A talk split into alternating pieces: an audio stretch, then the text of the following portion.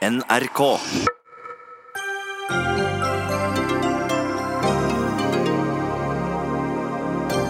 Som homofil skjønner jeg at dagens abortlov oppfattes diskriminerende, sier helseminister og nestleder i Høyre, Bent Høie. Ikke ta meg som gissel for ditt syn, svarer leder av Arbeiderpartiets homonettverk. Rundt 700 nye medlemmer i KrF etter landsmøtet fredag, mens 850 har meldt seg ut. Håper regjeringssonderingene bryter sammen, sier sentral KrF-politiker i Trondheim. Og Stortinget betaler reiseutgifter for representanter som drar rundt i landet på valgkamp. Småpartiene kommer skeivt ut, mener Miljøpartiet.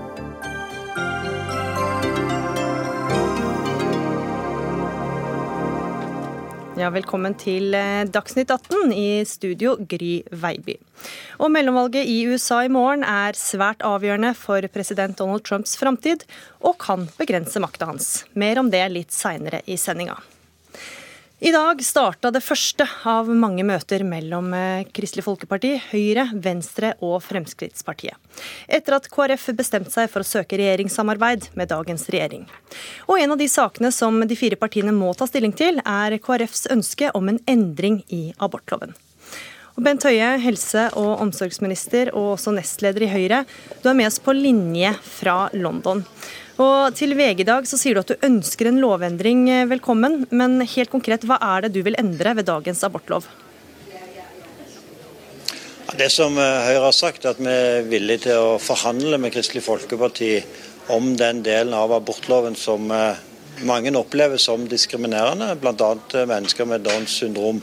Eh, men vi har òg vært veldig tydelige på at eh, skal vi være med og ta vekk den biten, så må vi samtidig gjøre andre endringer som eh, ivaretar kvinner sine rettigheter, ved at en i større grad skal legge vekt på kvinnens egen vurdering. En må òg ivareta spørsmål knytta til fosterets levedyktighet. Men det er det og, mulig og å få til. Spørsmålet, da, Bent, hva, hva, konkret, altså, hva, hva, hva helt konkret er det du vil endre ved dagens abortlov? Ja, Det er jo nettopp det som oppleves som diskriminerende, nemlig at det å f.eks. ha Downs syndrom eller ryggmargsbrokk eh, i seg selv gir et grunnlag for, eh, for abort. Eh, men som sagt, skal en gjøre den type endringer, så må en samtidig sikre kvinner sine rettigheter med andre endringer. Hva er den praktiske konsekvensen av dette? Nei, I realiteten så vil det bety at uh, de som uh, søker om abort, vil få abort på samme måte som i dag, men abortloven vil ikke oppleves som uh, diskriminerende. og Det var òg Erna Solberg veldig tydelig på i debatten 1.11. På, på NRK. At, men allikevel så har dette en betydning i seg selv. Jeg forstår at f.eks. mennesker med Downs syndrom opplever dagens lov som diskriminerende, fordi den ser de som mennesker bare ut ifra det ene spørsmålet, nemlig Downs syndrom. og Det er avgjørende eh, og et selvstendig grunnlag for, eh, for, eh, for abort. og Da oppleves det som en har et dårligere rettsvern enn andre fostre. Men da igjen spørsmålet, hva er, hva er, den praktiske konsekvensen for en kvinne som bærer på et uh, sykt barn, f.eks.? Det betyr at eh, på samme måte som i dag, så må en søke abortnemnden hvis det er etter eh, grensen for selvbestemt abort. Og vil eh, på samme måte som i dag, hvis en tilfredsstiller kriteriene, få innvilga abort. Så den praktiske konsekvensen er ikke stor?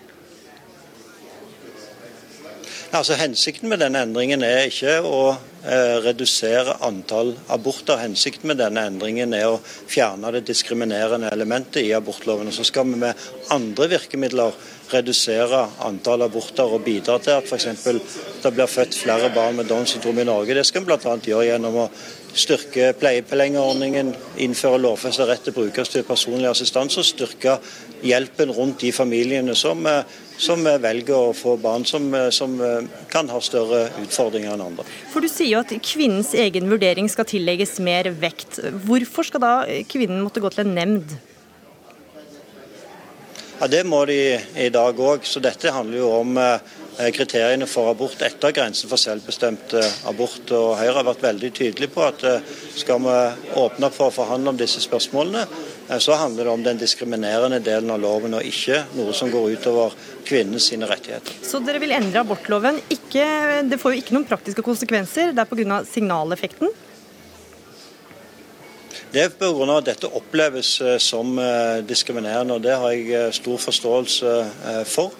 For her handler det om at en plukker ut en egenskap ved et menneske sitt liv og sier at det i seg selv er en grunnlag for, for, for abort. At mennesker med Downs og, og, og, andre ting som gir det selvstendige grunnlaget i dag, opplever det som diskriminerende, at de har et dårligere rettsvern enn andre, og at en ikke ser hele mennesket. Det har jeg stor forståelse for. Arbeiderpartipolitiker Marianne Martinsen forteller i dag om sin eh, alvorlig syke datter som døde bare 15 måneder gammel. Og Hun spør i et brev til statsministeren hva Høyre mener med begrepet levedyktig. Eh, hvor lenge må barnet kunne antas å leve for at det skal regnes som eh, levedyktig? Ja, Marianne Martinsen skal selvfølgelig få raskt og et godt svar på eh, det spørsmålet, men det er viktig for meg å understreke at skal Høyre være med på denne type endringer, så vil det ikke bare handle om spørsmålet om eh, fosterets levedyktighet. Det vil handle òg om å gjøre endringer knytta til vektleggingen av kvinnens egen vurdering av sin situasjon. Så i sum så vil disse endringene innebære at en har de samme mulighetene som å få abort som i, som i dag, men en har fått fjernet det som er det diskriminerende elementet i loven. og Det er en egen eh, velbegrunna begrunnelse, samtidig som en setter en ny barriere Men dere må jo også ta stilling til levedyktighet, da?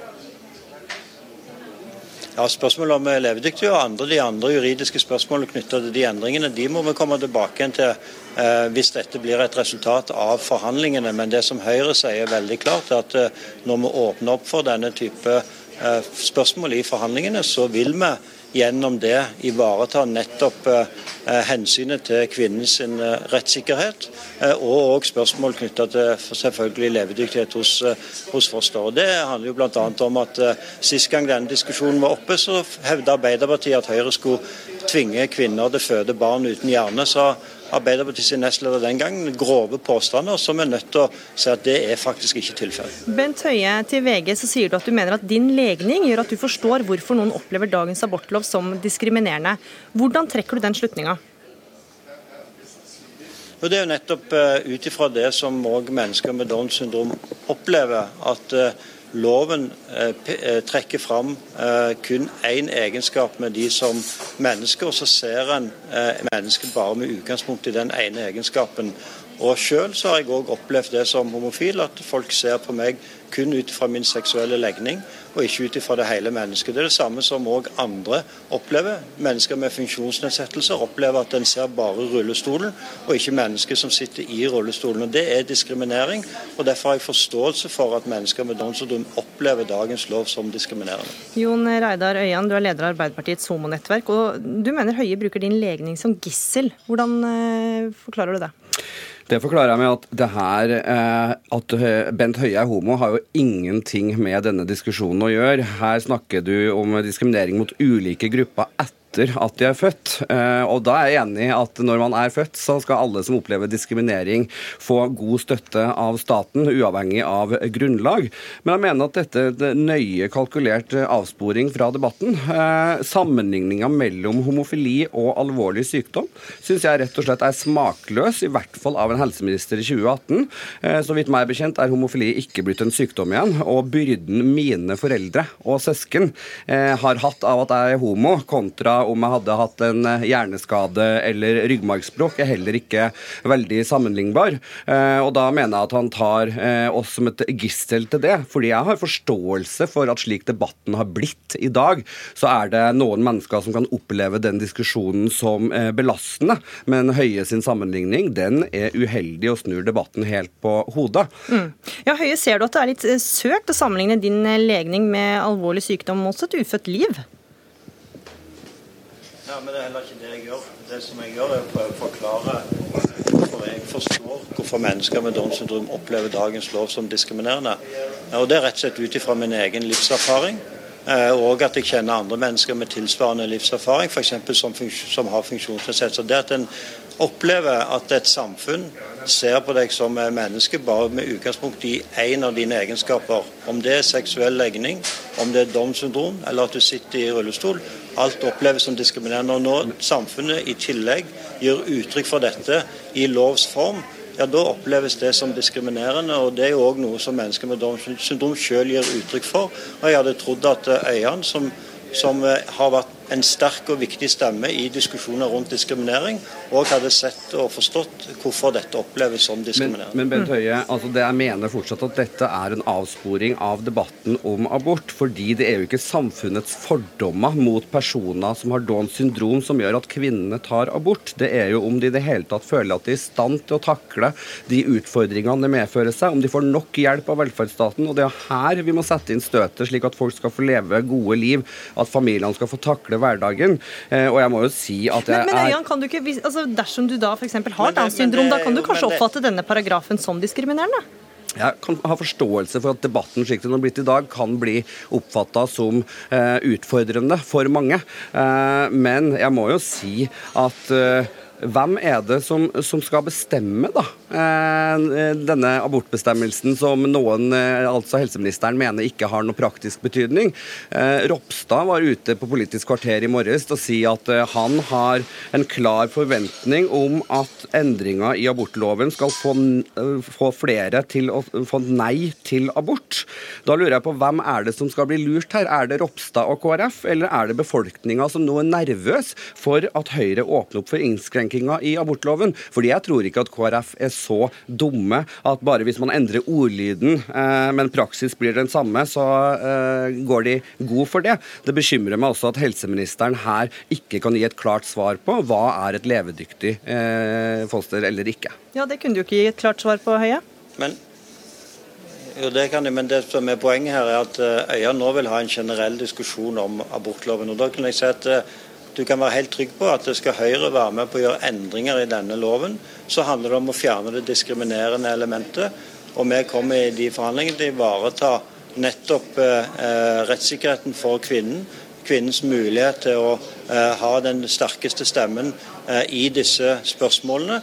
Eh, men det som du angriper meg for, det er nettopp å trekke parallellen til å forstå mennesker med Downs syndrom sin opplevelse av diskriminering, med utgangspunkt i min egen livserfaring. Og Hvis vi skal ha den diskusjonen, eh, som det faktisk eh, er det som du angriper meg for, så mener jeg at jeg er litt overrasket over at ikke òg Øyan ser den eh, sammenligningen. Og Så møter jeg gjerne og diskuterer Øyan abortdiskusjonen som sådan, men det som vi nå skulle snakke om, det var nettopp hvordan denne loven oppleves som diskriminerende. Og Jeg forstår ikke at ikke du òg ser at mennesker med Downs syndrom faktisk opplever det som diskriminerende at samfunnet i lovs form har gitt uttrykk for at pga. den situasjonen de er i, så gir det et selvstendig grunnlag for, eh, for abort. For Det handler jo nettopp men, om å men, et egenskap et menneske og bare se på det. Ja. Men eh, for Arbeiderpartiet så er det krystallklart at det er kvinnens rett til selvbestemt abort som eh, trumfer ethvert annet eh, formål. Og med Høyre sin track record på reservasjonsrett på andre ting. Så da vil jeg ha et kort svar. Hvem er det som skal bestemme? Er det en konservativ regjering? Er det en abortnemnd? Eller er det kvinnene selv som skal bestemme? Bestemme om de får lov til å ta abort. Ja, Der er Høyre helt enig med Arbeiderpartiet at før grensen for selvbestemt abort, så er det kvinnen selv som bestemmer. Etter grensen for selvbestemt abort så mener både Høyre og Arbeiderpartiet at da er det et spørsmål for nemndene. Det vi nå diskuterer, er hvilke kriterier nemndene skal ta beslutningen på. og Da har vi sagt at vi vil fjerne den diskriminerende delen av loven. Det har du allerede, sett, allerede sagt eh, mange ganger, som, Bent Høie. Som, som ivaretar kvinnens rettigheter. Ja, helse- og omsorgsminister Bent Høie og også nestleder i Høyre, takk for at du var med i Dagsnytt 18. Takk også til deg, Jon Reidar Øyan, leder av Arbeiderpartiets homonettverk. Så får vi se da om eh, Venstre og Frp vil bli med på Høyres eh, skisse til løsning. Og selv om de fire partiene skulle bli enige i forhandlingsrommet, er det slett ikke sikkert at en eventuell lovendring blir vedtatt i Stortinget. Dagsnytt 18 alle hverdager kl 18.00 på NRK P2 og NRK2.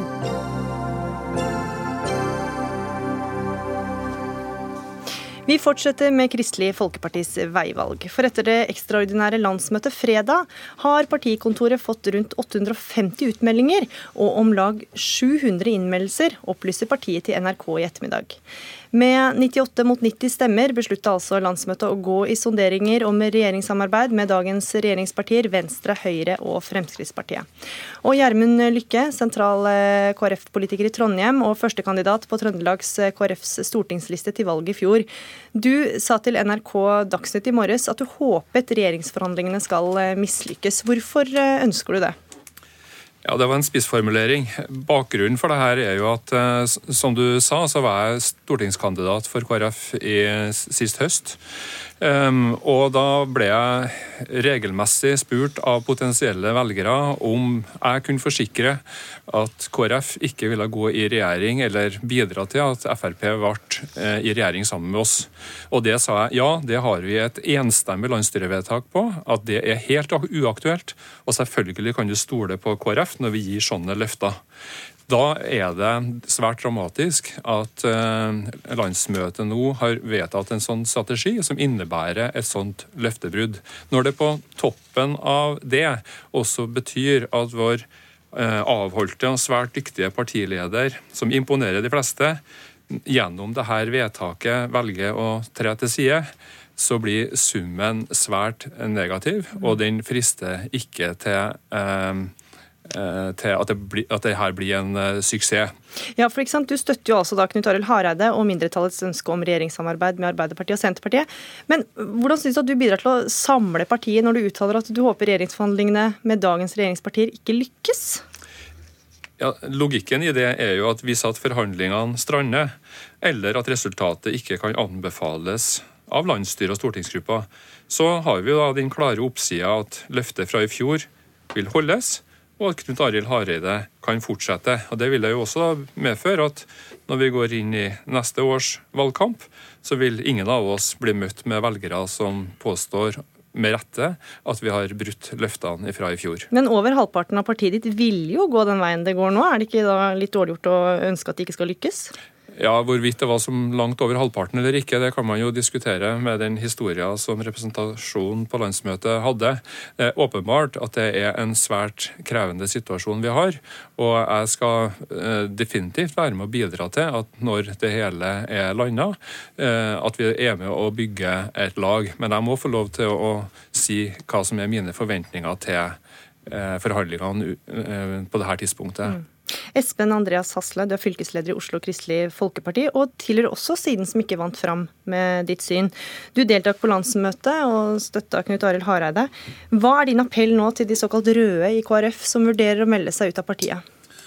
Jeg vil jo sterkt oppfordre til å bli i partiet. Eh, det er eh, Nå trenger vi å samle laget, eh, og KrFs politikk ligger fast. Vi ønsker styrke barnefamilienes situasjon. Vi ønsker å en likeverdsreform som virkelig bidrar til eh, at nettopp det som ble diskutert i debatten mm. her før, eh, at folk med barn med funksjonshemninger får en bedre hverdag. Så det, det, ligger fast. Og da tenker jeg den beste måten å gjøre det på, er å bli i partiet og slutte opp om det. Men hva syns du da om at Lykke håper at regjeringsforhandlingene skal mislykkes? Jeg har veldig respekt for eh, at mange er skuffa og og det var det jeg var skuffa sjøl. Um, men jeg, tenker, jeg syns det, det, blir litt spesielt, i hvert fall, uh, å ønske at eget parti ikke lykkes med det som et lovlig valgt møte hos oss har vedtatt. Mm. Nå har vi vedtatt at vi skal i regjering, og det var jo, er jo verdt å legge merke til at en samla partiledelse sa at det var viktigere for oss å komme i regjering uh, enn alternativet. Uh, og da må vi jo legge av Nå tenker jeg, nå er det vedtatt. ok? Da omstiller jeg meg i hvert fall og går videre og tenker at nå skal vi gjøre det vi kan for å få gjennom mest mulig god KrF-politikk i de forhandlingene. Ja, Lykke, som du hører eh, sier, så jo, står jo politikken fast. Men eh, hva mener du blir konsekvensen av dette veivalget? Eh, veivalget vil bli krevende å forankre til bunns i alle lokallag og alle fylkeslag. Og det vil kreve en stor jobb av oss alle. Ehm, og det blir eh, veldig viktig hvordan prosessen videre blir drevet. Eh, det er eh, jeg tror vinnerne undervurderer den sorgen og fortvilelsen som mange følte, som mange bærer på etter landsmøtet. Og, og kanskje, at man kanskje ikke helt har forstått alvoret. Men som sagt, politikken ligger jo fast. Gjør det noe da om dere har søkt til Høyre? Det er åpenbart at det er en forskjell på den politiske profilen som eh, et regjeringssamarbeid med Fremskrittspartiet, Høyre og Venstre vil bety, i forhold til om vi skulle samarbeide mot Senterpartiet og Arbeiderpartiet. Så selv om vår politikk og vårt program står, er det samme, så det er klart at den vil bli sterkt påvirka av hvem vi samarbeider med. For det er jo, andres politikk skal jo også gis rom i, et, i en regjering. Mm. Jo, men da Jeg tenker jo sånn at man må heller se på hva er det KrF betyr av en forskjell. Eh, for regjeringen som sitter nå, den sitter. Og jeg tenker at KrF inn i den regjeringen vil være med å flytte den mot sentrum. Så særlig de egentlig som er opptatt av å føre en sentrumspolitikk, eller sentrum-venstre i KrF, eh, bør jo være opptatt av et sterkt KrF. Sånn at vi kan eh, få igjen mest mulig god sentrumspolitikk i den sittende regjeringen. Ja, Det er jeg jo selvfølgelig helt enig i. Men, men Lykke, det virker jo kanskje ikke som det er et sterkt KrF som står bak, når du faktisk ønsker at det ikke skal lykkes da med regjeringsforhandlingene? Jeg ønsker selvfølgelig at uh, om vi går inn i den regjeringa, at den skal ha en sterk uh, påvirkning fra Kristelig Folkeparti. Uh, det som jeg prøvde å gi uttrykk for, var at dersom de andre partiene ikke gir oss så god uttelling at det er verdt å anbefale, så er det da ikke et nederlag for KrF, hvis det da blir et brudd på den bakgrunnen. Hmm. Hasle, løftet som ble gitt i valgkampen var jo at Kristelig Folkeparti ikke skulle gå i regjering med Frp. Hva sier du nå til dem du har gitt det løftet til? til velgerne dine? Da sier jeg at uh, dette, var, uh, dette, var, noe vi løftet, og det var en av grunnene til at jeg anbefalte det jeg gjorde, i tillegg til Knut Arild Hareides uh, råd til partiet. men nå har et samla landsmøte, eller et flertall i landsmøtet vårt, vedtatt at vi skal gjøre det. Og det er landsmøtet suverent til å gjøre, og da forholder vi oss til det. Din partikollega Erik Lunde sitter i forhandlingsutvalget, og han er også på den røde siden. Hvor viktig er det at han får gjennomslag for de røde standpunktene? Ja, altså i forhold, Når det gjelder politiske standpunkter, så, så er vi samla. Vi er opptatt av å heve barnetrygden, sånn at uh, familier får med bedre råd og bedre med tid med barna sine. Så det er ingenting å si at, uh, hvilket, hvilket, standpunkt du tok uh, før fredagens valg? Jeg tror de fleste som, og det var ganske mange, som fulgte med på landsmøtet vårt, ville ha hørt at i politiske saker så var det egentlig veldig lite sprik. Vi er opptatt av å kjempe mot sorteringssamfunnet. Vi er opptatt av å Eh, kjempe mot å redde, hjelpe verdens fattige. Vi er opptatt av å ha et inkluderende samfunn i Norge. Og det, det, var ikke, det, var ikke, der uenigheten var. Det var. Uenigheten var hvor kan vi få mest gjennomslag for det vi er opptatt av. Og selvfølgelig litt uenighet på hva er den aller viktigste saken. Men, men jeg tenker at nå handler det om å få mest mulig gjennom i de forhandlingene som pågår nå. Og jeg er overbevist om at både, både Kjell Ingolf Ropstad og Erik Lunde vil gjør det beste de kan for å fremme partiets politikk. Lykke, partiledelsen har varsla at de vil besøke fylkeslagene nå. Etter planen skulle de begynne med Agder, men legger i stedet turen til dere i Trøndelag, der det er overvekt av skuffa røde KrF-ere. Hvordan tror du vil de lykkes med å samle partiet nå? Eh, jeg setter pris på all kontakt med partiledelsen. De skal være eh, hjertelig velkommen. Jeg tror vi har behov for en eh, god forankringsprosess, sånn at flest mulig føler at de vil være med og delta videre framover. Det vil jo også være viktig nå hvordan eh, alle lokallag og fylkeslag håndterer eh, de kommende nominasjonene, f.eks. Og hvordan eh, valg skal foregå, sånn at alle sammen fortsatt føler at de er viktige medspillere. At vi ikke får en, en varig todeling helt ned til bunns i, i partiet. Mm. Geirmund Lykke, sentral KrF-politiker i Trondheim og førstekandidat på Trøndelags KrF stortingsliste til valget i fjor. Takk for at du var med i Dagsnytt 18. Takk også til deg, Espen Andreas Hasle, fylkesleder i Oslo Kristelig Folkeparti. For nå er det tid for analyse, og Magnus Takvam, mm. politisk kommentator her i NRK. I dag meldes det om at lokalpolitikere i KrF ikke vil ta en periode til i sine kommuner. Hvordan blir jobben nå for partiledelsen med å samle partiet fram mot det viktige lokalvalget neste år? Nei, Som vi fikk et inntrykk av her, så er det en veldig tøff jobb. Eh, jeg har også snakket med fylkesledere og andre, særlig da rett etter landsmøtet på Gardermoen på fredag, som var meget skuffet. Det så sikkert alle også på, på TV. Det var veldig følelsesladet for mange at den siden de tilhørte, tapte. Slik at man kan ikke se bort fra at eh, når eh, forhandlingene om en regjeringsplattform er ferdig, og man eventuelt går inn da i en regjering, at det kommer noen utmeldelser og avskallinger fra, fra den siden. Og det legger jo et enormt press selvfølgelig på Kjell Ingolf Ropstad og teamet hans som skal forhandle, om å tilgodese begge sider av av eh, KrF at de får gjennomslag. Og Hva tenker du, tenker du om at de da endra turneen sin til at den skulle begynne i røde Trøndelag? Ja, det er ikke noe tvil om at det er der eh, på, hva skal vi si, der, der, flest opplever det som et tap, eh, det sidevalget som skjedde, at de trenger eh, forsoning og, og, trenger å snakke med partiledelsen om veien videre, enn Sør- og Vestlandet som nok opplevde at de, de vant. Selv om det, jeg opplever nok at også de som står på den såkalte vinnende siden, har en, har en bismak eh, over den seieren, siden eh, det som skjedde viste så tydelig et, et veldig delt eh, parti uenig med seg selv. Og så hørte vi Lykke her, som riktignok i en spissformulering sa at han håper at regjeringssonderingene skulle bryte sammen. Men hvor representativ tror du han er?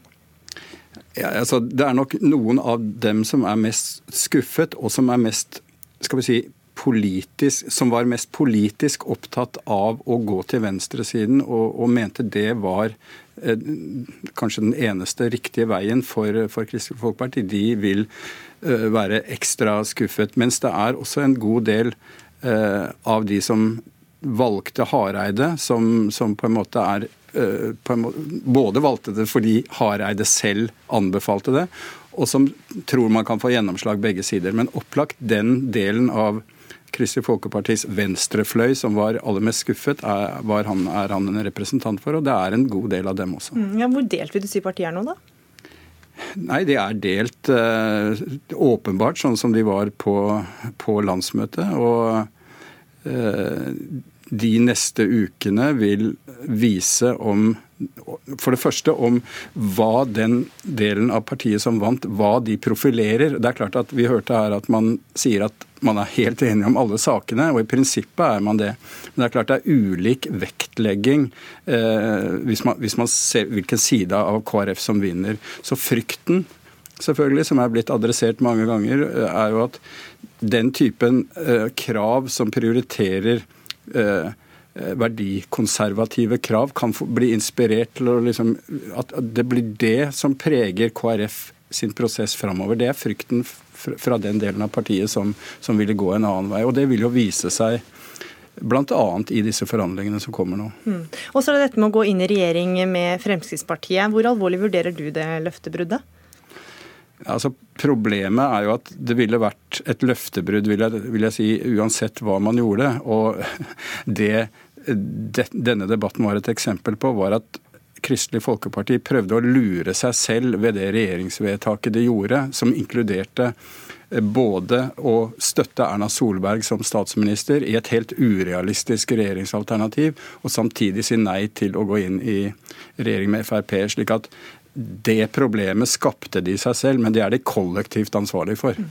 Også nå som de skal dra inn, dra inn, vi skal gå inn i regjeringssonderinger, og så er det dette abortsaken da, som er det store brennbare. Hvordan skal de få med seg Venstre og Frp på dette her? Og hvor, ja, Altså, her har jo eh, Erna Solberg skapt seg en fallhøyde, så hun må få dette gjennom på en eller annen måte.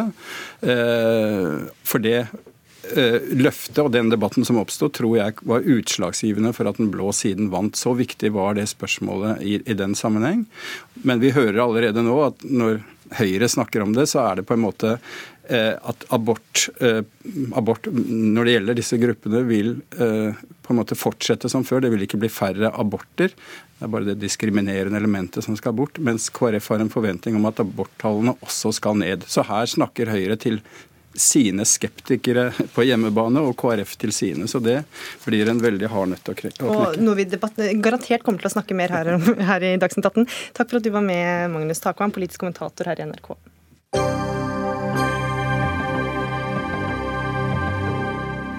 Morgendagens kongressvalg i USA er en slags eksamen for president Donald Trump.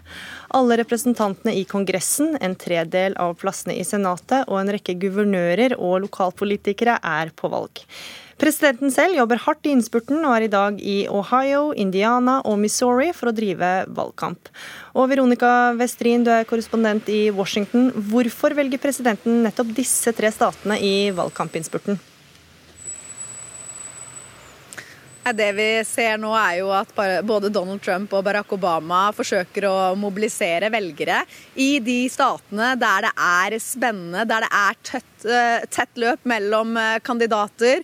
Og der eh, seieren kan gå både til republikanerne og demokratene. Ohio blir jo alltid sett på som en spennende stat. Det er mange representanter, det er en folkerik, folkerik stat som gjør at mange representanter velges inn eh, til Representantenes eh, hus herifra, mens i noen stater så er det jo bare én kandidat som blir valgt inn. Og det blir jo også sagt da, f.eks. før presidentvalget at den som vinner Ohio, det er den som vinner valget. Så Ohio er alltid en stat som man følger spesielt godt eh, med på her. Hvilke saker er det Trump eh, først og fremst legger vekt på nå, da? Vi har jo sett eh, nå i innspurten i valgkampen at det er spesielt én sak han prioriterer høyt, og det er innvandringspolitikk. Han har jo kommet med en rekke rekke utspill eh, knytta til eh, migrantmarsjen som er på vei mot USA, men eh, også utspill som at han ønsker å frata statsborgerskapet til barn som blir født i USA, som hittil automatisk har fått det. I tillegg til innvandringspolitikk så har jo Trump hatt mye fokus også på økonomi, på økonomien som går godt i USA, og på eh, arbeidsledighetstallene. Eh, I tillegg så er det jo mange som er opptatt av helseforsikring eh, her. Det er kanskje de tre store sakene da, som opptar folk. Men så er det også veldig mange som er opptatt av denne splittelsen man ser i det amerikanske folket. For det er et veldig delt samfunn, og denne polariseringen og hatretorikken er er noe som mange er opptatt av her. Og så er det avgitt rekordmange forhåndsstemmer. og Betyr det høy valgdeltakelse? Ja, Det gjenstår jo å se, men for f.eks. så har det nettopp kommet ferske tall fra Texas som viser at eh, antall forhåndsstemmer der nå ligger over eh, den andelen som faktisk gikk og stemte ved forrige mellomvalg. Og eh, det tyder jo på da eh, ellers fra andre stater også at, at dette kommer til å være et valg der valgdeltakelsen er høyere. For den pleier jo ikke å være så veldig høy ved mellomvalg. Ved forrige mellomvalg så, så var oppslutningen på under 40% og mange snakker jo nå at den kan, kan komme opp mot eh, halvparten av befolkninga som faktisk velger å gå og stemme. Så, så langt så tyder det på at dette er et mellomvalg som folk er spesielt opptatt av her. Takk til deg, Veronica Westrin, korrespondent eh, for NRK i Washington. Halvard Notaker, du er historiker ved Universitetet i Oslo og har spesialisert deg på USAs eh, nyere historie. Hvor viktig vil du si at dette valget er for Donald Trump? For han og for partiet hans eh, så er jo dette kjempeviktig, fordi det er den første testen på om republikanere i USA går med på at det er han som definerer hva partiet deres er. Og det han sier at det partiet er, det er noe annet enn det eh, republikanere, i hvert fall i 30 år før han, har sagt at det er. Så hvis republikanerne gjør det bra ved dette valget, eh, så har på en måte den overgangen han representerer, lykkes. da. Det, da er det vanskeligere å komme etterpå og si nei, vent litt, vi skal jo egentlig være sånn som Reagan sa. Da er det eh, kanskje slutt helt, enda mer enn det virker nå. Og så er det på en måte innvandring og mer sånn nasjonalistiske strømninger som, ja, som ja, for, settes i sentrum. Ja, for Hvilke saker er det som gjør Trump kontroversiell blant sine egne? Nei, Der hvor han har brutt med det som har vært eh, nesten en slags dogmer i det republikanske partiet, det er jo særlig frihandel, eh, hvor han har gått i helt motsatt retning. Og i dette med innvandring, hvor mange republikanere i næringslivet har vært for innvandring. George W. Bush f.eks. ønsket jo eh, en god del innvandring fordi det er eh, god arbeidskraft. Og det gir eh, billigere arbeidskraft til mange sektorer. Sånn at der, er, der, bryter Trump med en del næringslivsinteresser, og, og lener seg heller da på en sånn retorikk som handler om USA og Amerika og, og flagget som noe som stenger ute. Og Som er vanskelig å forene med uh, den typen retorikk om flagget som handler om den skinnende byen på høyden hvor alle kan søke tilflukt, og sånt som var viktig for Reagan når han snakket om hva Amerika skulle være. Så det er en stor overgang for det republikanske partiet. og på tirsdag så får vi egentlig vite om det om den overgangen er i ferd med å sluttføres. Ja, hvordan han ligger an. Hilde Eliassen Restad, er førsteamanuensis ved freds- og konfliktstudier ved Bjørknes høgskole. Og du har tatt en doktorgrad i amerikansk politikk. Og staten Georgia har fått mye oppmerksomhet i valgkampen. Hva er årsaken til det? Georgia er på en måte, representerer mange viktige ting i det her mellomvalget. som Vanligvis, som, som dere sier, så er jo ikke mellomvalg så veldig interessant eller spennende nødvendigvis. Men eh, nå ser vi at det mobiliseres enormt. Eh, en av de grunnene til at Georgia er viktig, er fordi at eh, for første gang så kan en kvinnelig afroamerikansk demokrat bli guvernør av en stat. Stacey Abrams stille til valg der. Hvilke sjanser har hun for å nå fram, da? Nå er det et veldig tett og jevnt valg, og det er veldig spennende. For det, Georgia er jo egentlig en ganske konservativ republikansk delstat. Eh, og han som stiller på republikansk side, Brian Kemp, han er også tilfeldigvis eh, den som har jobben i delstaten for å overvære valget og kontrollere at valget skjer sånn som det skal skje. Eh, så her har vi en potensiell inhabil situasjon. Og det har vært veldig mye kontrovers i Georgia fordi at Brian Kemp, guvernørkandidat, og han som skal over, ha det her valget, da, har rett og slett endra en rekke regler for valgprosedyrer i Georgia, eh, som demokratene sier har gjort det mye vanskeligere eh, å stemme, særlig for minoritetsvelgere, som jo da forventes å ha en dempende effekt på valgdeltakelsen blant minoritetsvelgere, som forventes å egentlig ville stemt på Stacey Abrams. Mm. For det har kommet et forslag om å hindre minoriteter til å stemme? Nei, det gjør det aldri. Det har kommet ulike valgendringer som mm. uh, har en dempende effekt på minoritetsvelgere. En uh, av de reglene har vært at uh, for å registrere seg, for å melde seg til å, vel, til å, stemme For i USA så kan du ikke bare gå og stemme, du må først melde deg opp til valg. Så må du skrive navnet ditt på nøyaktig samme måte som, eksempel, som, delstaten har i sine arkiv. Så hvis noen har skrevet inn feil, hvis man har glemt en bindestrek, eller noen har stavd navnet sitt feil, så vil man bli tatt av registeret mm. og kan kanskje ikke få lov å stemme likevel. Og det her viser seg å ha en um, særdeles negativ effekt på minoritetsvelgere. Mm. I praksis, ikke sant? Ikke som et prinsipp, men, men, at det var 50 000 mennesker i alt. Og da var det uforholdsmessig mange 70 afroamerikanere. Mm. Mm. Notaker, mye tyder på at demokratene har en viss framgang i sørstatene. Hva er årsaken til det? Nei, Det som mange venter på, da, det er at en del stater som, hvor, hvor folkesammensetningen endrer seg gradvis, kommer til å bli mer demokratiske. Fordi det blir flere minoritetsvelgere særlig, og fordi unge mennesker endrer eh, partipreferanser i USA. Det er flere unge som er demokrater. Det er større skepsis til Trump eh, nå blant unge. Og eh, når det da blir et sånt generasjonsskifte, samtidig som det blir eh, færre eh, av den hvite majoritetsbefolkningen relativt til de andre, så forskyves da preferansene totalt i de statene. Og det, er, det har skjedd i eh, Nord-Carolina uh, allerede, som jo Obama vant et par ganger. Uh, og så har det kanskje skjedd i Georgia. Får vi se nå, da. ikke sant? Så det er kjempespennende med Georgia der òg. Så er det noen som, på venstresiden som håper at det skal skje i Texas med han Beto O'Rourke, som er veldig populær.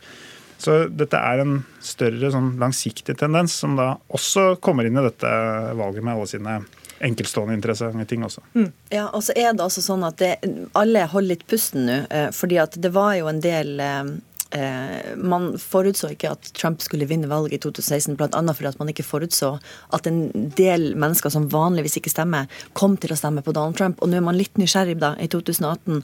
Har man, har man eh, spurt de rette velgerne om, dem, om, hvem de stemmer på, eller kommer det til å komme valggrupper som man ikke har sett for seg, møte opp på valgdagen? For det handler mye mellom valg om mobilisering. Det er ikke det at man overbeviser eh, mot det motsatte partiet om å stemme på seg sjøl, det er ofte mer at man mobiliserer nye velgergrupper. Obama var veldig flink til det.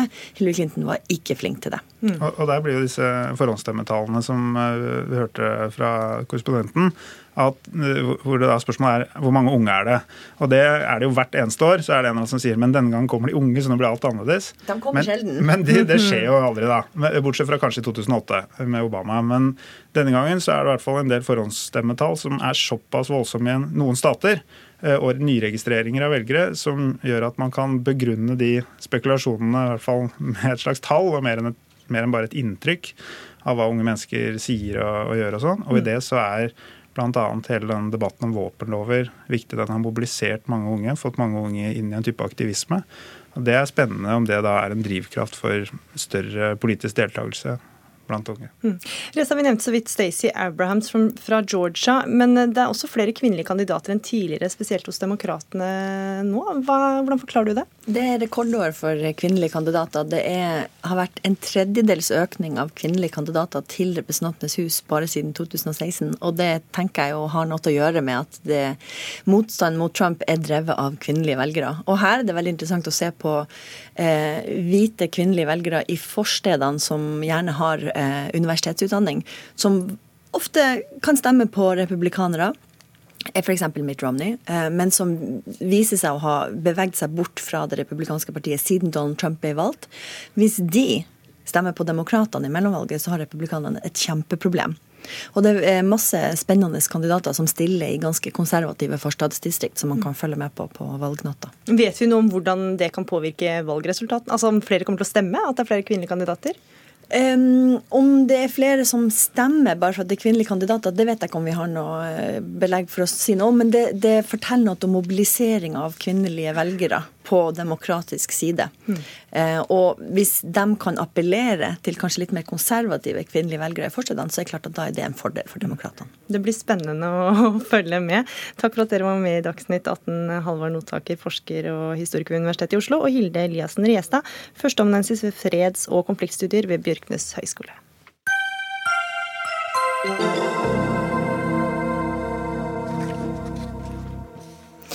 En gjennomgang av reiseutgifter fra Aftenposten viser at stortingsrepresentanter får alle utgifter dekka av Stortinget når de reiser rundt i landet for å drive valgkamp. Det betyr at Arbeiderpartiet, som har 49 representanter, får da dekka reiseutgifter for alle disse, mens småpartier som Miljøpartiet De Grønne og Rødt bare får dekka reiseutgifter i forbindelse med valgkamp for én representant hver. Og Arild Hermstad, du er talsperson for Miljøpartiet De Grønne. Du er en av dem som ikke ville fått dekka sine valgkamputgifter, for du sitter ikke på Stortinget, men eh, du er allikevel også leder eh, av partiet. Hvorfor er ikke dagens ordning eh, optimal, mener du? Jeg mener jo det blir en demokratisk skjevfordeling når de store partiene kan sende sine representanter sponset av fellesskapet til å drive valgkamp, mens mindre partier som skal drive valgkamp, de må ta det av partikassen, og noen må jo gjøre dette på nærmest idealistisk basis. Eh, og det går jo helt fint hvis du er i Oslo eller i Vestfold. Men hvis du er i Nordland eller i Finnmark eller i Sogn og Fjordane, så eh, blir det en helt annen historie. Da blir det egentlig et eh, demokratisk underskudd på den måten. Men så vil jo noen si at store partier er jo nettopp store fordi at de har fått mange stemmer ved stortingsvalget. Er det ikke da mest demokratisk at nettopp disse får reise rundt i landet og møte velgerne sine? Jeg er veldig eh, for at eh, de som skal velges, reiser mye rundt og treffer velgerne sine. Men det er jo eh, viktig at det også skal være enkelt å utfordre de etablerte partiene. Det kommer nye problemer som krever nye løsninger. Miljøpartiet kom til fordi at eh, de andre partiene ikke har tatt miljøproblemet nok på alvor. Eh, og så er det jo også et underskudd når det gjelder eh, Vi har en sperregrense i Norge på 4% Det betyr at vår ene representant har 94 000 stemmer i ryggen. Mens en gjennomsnittlig KrF-representant, som vi snakker mye om for tiden, mm -hmm. de har 16 000 eh, per, eh, per representant. Så det er jo allerede en del skjevheter inne i systemet, og det syns jeg er viktig at vi prøver å reversere. Mm. Tone Trøen, du er stortingspresident. Hvorfor skal mindre partier betale mer penger for å reise rundt og drive valgkamp? Nei, Det er jo ikke helt riktig å fremstille det på den måten. For det første så har vi et representativt demokrati, eh, som også programlederen var inne på. Eh, så har vi en partistøtteordning som ikke handler om Stortingets ordninger. Partistøtteordningen er med på å sikre at partier som har en eh, medlemsoppslutning bak seg, kan drive viktig demokratisk arbeid. Men så er det slik at Stortinget har ordninger Eh, som skal støtte opp under den parlamentariske arbeidshverdagen til, til, de folkevalgte. Og jeg er jo glad for at på Stortinget så har det blitt gjort endringer eh, for en god del år siden som sikrer at de minste partiene eh, har gode ordninger også for å kunne drive sitt arbeid. Det er jo sånn at den gruppestøtteordningen som vi har på Stortinget Men dette handler jo om valgkampsarbeid? Ja, altså En folkevalgt er jo en folkevalgt uh, hele tiden. Og jeg tror vi kan uh, være enige i at uh, stortingsrepresentanter i dag er nok mer tilgjengelig enn noensinne. En stortingsrepresentant er også et ombud for sin region og sitt fylke, men også for det fagområdet vedkommende jobber med på Stortinget. Så det er jo noen ganger veldig vanskelig å skille i valgkamp også om en, en, Vi har jo ikke valg av enkeltrepresentanter til Stortinget, så ja, man representerer partiet sitt, men man representerer jo også i aller høyeste grad Stortinget som en demokratisk institusjon når man er ute for å mobilisere velgere og for å mobilisere for demokratiet. Mm. Altså, før 2009 så hadde vi en ordning hvor man ikke fikk dekket uh, disse kostnadene. Og det syns du er bedre, eller? Ja, jeg tror vi bør se på å gå tilbake til den ordningen. Eventuelt så kan man utrede en støtte til de partiene som ikke er representert, basert på da f.eks. velgertallet forrige gang, sånn at det blir en større utjevning. Og så er det jo én ting som vi ikke har snakket så mye om, men det handler jo om at når eh, f.eks. de som sitter på Stortinget reiser en tur, så har man ingen grense på hvor dyrt et hotell skal være. Det mener jeg er et veldig uheldig signal, at man ikke har sånne grenser. Jeg mener at stortingspolitikere også bør kunne vise måtehold og nøysomhet, at det skal være en viktig verdi for de som sitter på Stortinget. Eh, og så tror jeg også det er sånn at vi må kunne også diskutere hvordan eh, vi skal eh, få en, Altså, hvis det var sånn at man måtte ta av partistøtten eller av den støtten man får av å sitte på Stortinget, hvert enkelt parti, så måtte man vurdert reisevirksomheten opp mot andre ting man gjør i en valgkamp. Som for eksempel da? Nei, f.eks. skal man ansette ny rådgiver? Eh, skal man bruke penger på seminarer? Skal man gjøre den type ting som partiene kan bestemme sjøl? Men akkurat når det gjelder reiser, så er det ingen grenser for hvor mye et parti kan sende videre til fellesskapet. Så ingen burde få egentlig noen ting? Altså Det beste var om hvert enkelt parti hadde sin egen pott, som de da måtte ta stilling til hvordan de skulle bruke i valgkampen. Mm. Eh, hvis en, eh, en, stortingsrepresentant er på tjenestereise til utlandet, eller som er opplagt en del av jobben, så skal jo det gå på Stortingets reglement. Men å drive valgkamp er noe litt annet. og mm. Det, det er der vi trenger et, eh, en bedre legitimitet blant befolkningen, mener jeg. Men dette er ikke riktig i forhold til, eh, til eh, Stortingets regler. For en utenlandsreise dekkes ikke av Stortinget annet enn hvis man er ute med en delegasjon hvor man er valgt for å være med fra Stortinget, eller man sitter i en komité. Mm. Men utenlandsreiser ellers dekkes av partiene eller den enkelte selv. Men det vi, det vi må ta oss veldig vare, er jo at vi kan ikke ha en situasjon hvor stortingspolitikerne sitter inne på Stortinget som om det var en, inne i en osteklokke. ikke sant? Vi må ha politikere som er ute og møter folk, bedrifter, kan gå på sykehjem og besøke de som, som både bor der og de som jobber der. Eh, og jeg Men kan det ikke da være litt udemokratisk at det bare er de, de største partiene som får lov til å gjøre dette her, da? Nei, det er jo ikke slik at det er de største partiene. altså Alle partiene på Stortinget har jo ordninger. Men de har jo flere de kan sende rundt? Jo, men, men det er altså sånn at gruppetilskuddet, eh, hvis man fordeler gruppetilskuddet tilskuddet til Arbeiderpartiet. På Arbeiderpartiets representanter så har de eh, ca. 905 000 per representant. MDGs representant har 5,4 millioner. Sånn at det er, jo, det er jo ikke noe tvil om at det ligger til rette for at også de minste partiene kan drive et godt parlamentarisk arbeid. Og vi, vi, har et representativt demokrati, så det er jo interessant å, å, høre hva skulle vi gjøre hvis vi skulle endre denne ordningen. For du mener at ingen skulle fått noen ting, du? Altså, jeg mener Vi kan gå tilbake til sånn som det var i 2009, hvor det som var valgkamp, det måtte partiene ta på egen kappe på sine, de budsjettene som du refererte til i sted, som for vår del er 5,4 millioner. Men da må du og, definere også, hva valgkamp er. For ja, da tenker du de siste man. seks ukene før valget, da? Det, men Trønd sier at det ikke bare er valgkamp, det handler også om å være representanter for Stortinget og reise rundt og møte folk ja, og representere og de folkevalgte? Eh, altså, sånn som det var før 2009, så eh, ble det dekket av Stortinget og den felleskassen. Det som er galt, er når man driver eh, ren valgkamp for å bli gjenvalgt, altså sånn personlig gjenvelgelse. Så kan man bruke et budsjett som man ikke ser, og som man ikke har noe forhold til, og som ikke som er følge av en mm. prioritering. Mm. Og det der. Og så er det også viktig å si at ja, vi har én representant på Stortinget, um, men vi har f.eks. ingen i Nordland, uh, eller vi har ingen i de fylkene hvor du må reise mye. Men da kan du bruke den potten som alle partiene får, da, reise, reise opp dit? Ja, riktig, og det gjør vi. Altså, eller, vi, vi, vi, har også en bitte liten del som vi tar fra fellespotten. Men Poenget er jo at det fins også partier i Norge som ikke er på Stortinget, som nesten kom inn på Stortinget. Vi har Rødt som nettopp kom inn denne gangen. Eh, og de hadde jo ingenting å reise for. sånn at det, det, kan jo være vanskelig nok å være utfordra for å komme inn eh, ja. på Stortinget. Og det, er altså, det blir vanskeligere, den ordningen vi har. Men for det første, Ved de to siste valgene så har vi fått inn nye partier. I 2013 fikk vi inn MDG. Mm. I 2017 fikk vi inn Rødt. Så det argumentet med at det er vanskelig å få nye partier inn på Stortinget, det, det holder jo ikke helt. For vi har jo ved våre to siste valg sett det. Og vi har ni partier representert på Stortinget. Men så sier du dette med hvilken kasse man skal ta det fra. Den ordningen som, den endringen som ble gjort i 2009, altså det er én kasse, det er Stortingets budsjett. Den ordningen som ble gjort i 2009, var at man eh, tok ned representanttilskuddet, økte Altså tok ned tilskuddet til gruppene for at man skulle ha det ha enklere og mindre byråkratiske ordninger, sånn at en folkevalgt som er på reise, er på reise. Om det er i september ja, Uavhengig av tidspunkt. Om det mm. er 14.9. september, de to årene altså Det er jo valg hvert annet år. Eller om det er 9. eller 8. april. altså Uavhengig av hvilken tid på året det er.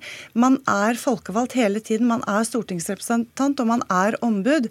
Og det å, det å snakke om to forskjellige kasser blir feil, fordi mm. det er Stortingets budsjett. Enten det som partiene får fra Stortinget, eller det Stortinget selv har til men, men det Aftenposten har gjort på en glimrende måte, er å gå gjennom og kontrollere hvordan disse reisebudsjettene blir brukt, og avdekke en, en god del mangel på kontroll. Eh, og det de også sier, er at Man har jo ikke tatt ned den bevilgningen til partiene. Den har jo også økt i den perioden vi snakker om. sånn at Stortingspolitikerne har jo bevilget mer penger til seg sjøl for å drive valgkamp. og det er jo en del av det problemet. Reiser mer. Stortingspolitikere reiser mer ut for å møte folket som har valgt dem. Og det mener jeg er et gode. Da fikk du sagt siste ord, Tone Trøen, stortingspresident. Takk for at du var med i Dagsnytt 18. Takk også til deg, Arild Hermstad, talsperson for Miljøpartiet De Grønne. Det virker ikke som du får endra denne ordningen med det første, men takk for at du var med og debatterte den her i Dagsnytt 18. Hør Dagsnytt 18 når du vil. Radio NRK Radio.nrk.no.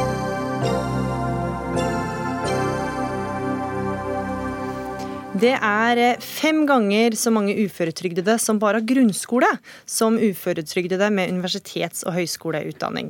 Det viser tall fra Statistisk sentralbyrå. Og Vi snakker stadig om unge uføretrygdede, men uføreandelen blir altså høyere oppover i alder, hvor man også finner flere med lav utdanning. Og regjeringen gjør for lite for å få disse ut i jobb, mener du Torstein Solberg Tvedt, stortingsrepresentant for Arbeiderpartiet.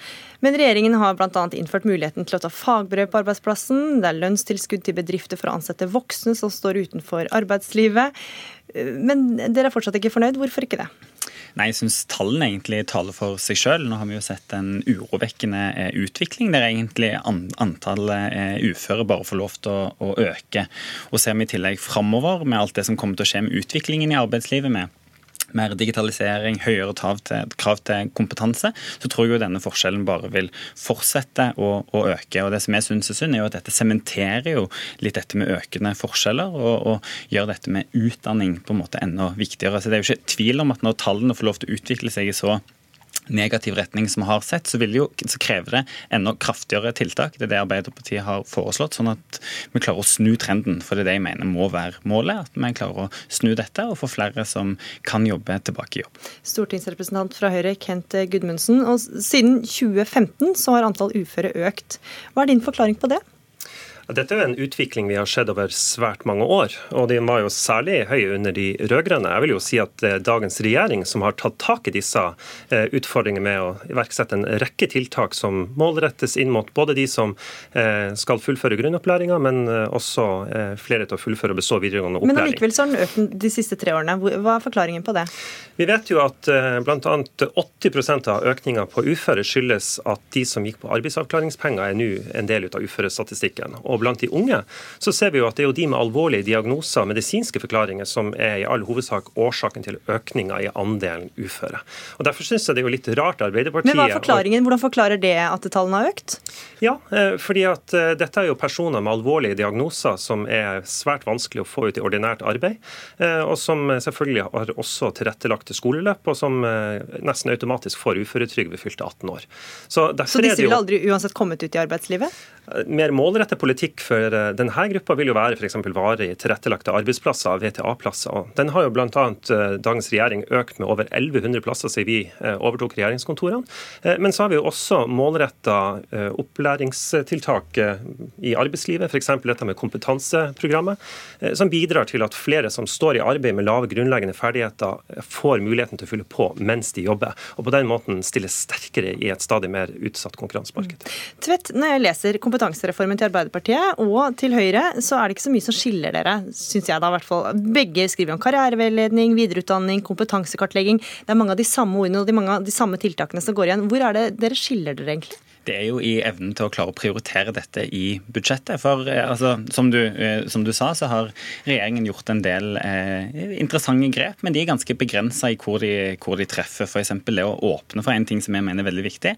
Åpne for at de som er på uføretrygd, skal kunne ta og fullføre utdanningen sin. Der har vi for et altfor rigid system som regjeringen i dag forsvarer. Og så ser vi jo nå, samtidig i dette budsjettet, så kutter denne regjeringen i antall eh, arbeidsmarkedstiltak. Og det mest treffsikre målrettede tiltaket for å få flere av de som er på uføretrygd tilbake i jobb eller utdanning, er nettopp arbeidsmarkedstiltakene. For det er, det er der vi fra Stortinget kan peke på og si at det, en ønsker at flere skal fullføre videregående utdannelser, skal kunne ta utdanningen sin på universiteter, få eh, jobbtrening eller ta nødvendige kurs. Og Nå har vi et altfor rigid system som ikke tillater dette i det hele tatt. Hvis du f.eks. trenger å, å, ta noen fag for å fullføre videregående eller noen studiepoeng for å fullføre graden din, så vil dessverre ikke regjeringen være med på at folk skal kunne gjøre det, og derfor komme tilbake i jobb. Du, du himler oppgitt med øynene. Ja, altså, det er jo helt vanvittig å høre på dette her. Altså, er det noe denne regjeringa tar tak i, så er det jo nettopp å legge til rette rette for at folk skal kunne ha mer fleksible løp.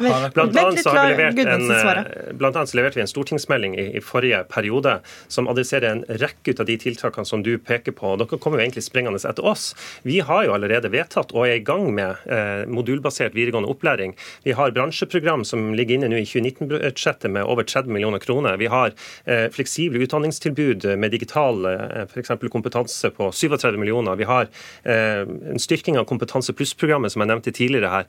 Eh, vi ser at eh, flere får bedre resultater i grunnskolen, flere fullfører og består videregående opplæring, flere går ut i læreplass. Altså, det er jo en rekke ting som går i, det er jo ting som går virkelig i positiv retning. Eh, og vi har gjort en rekke grep. Og så skal vi selvfølgelig fortsette med å styrke innsatsen. Vi har en inkluderingsdugnad nå som appellerer til at næringslivet også skal komme sterkere på banen og ansette folk med hull i CV-en. Og vi skal fortsette å styrke VTA-plasser som vi har nedfelt i Jeløya-plattformen. Men å si at vi ikke gjør nok, altså da syns jeg man skal skule seg litt tilbake og se på altså, den voldsomme altså- økninga i uføretrygden mens rød-grønne styrte, mm. og hvor lite de egentlig leverte på det området. Altså, jeg syns det er veldig spesielt å høre på at Høyre er så fornøyd med egen innsats når en har hatt en eksplosiv vekst, spesielt blant andelen unge uføre. Og når det var rød-grønn regjering, f.eks. fra 2010, så gikk faktisk andelen på denne type ytelser ned.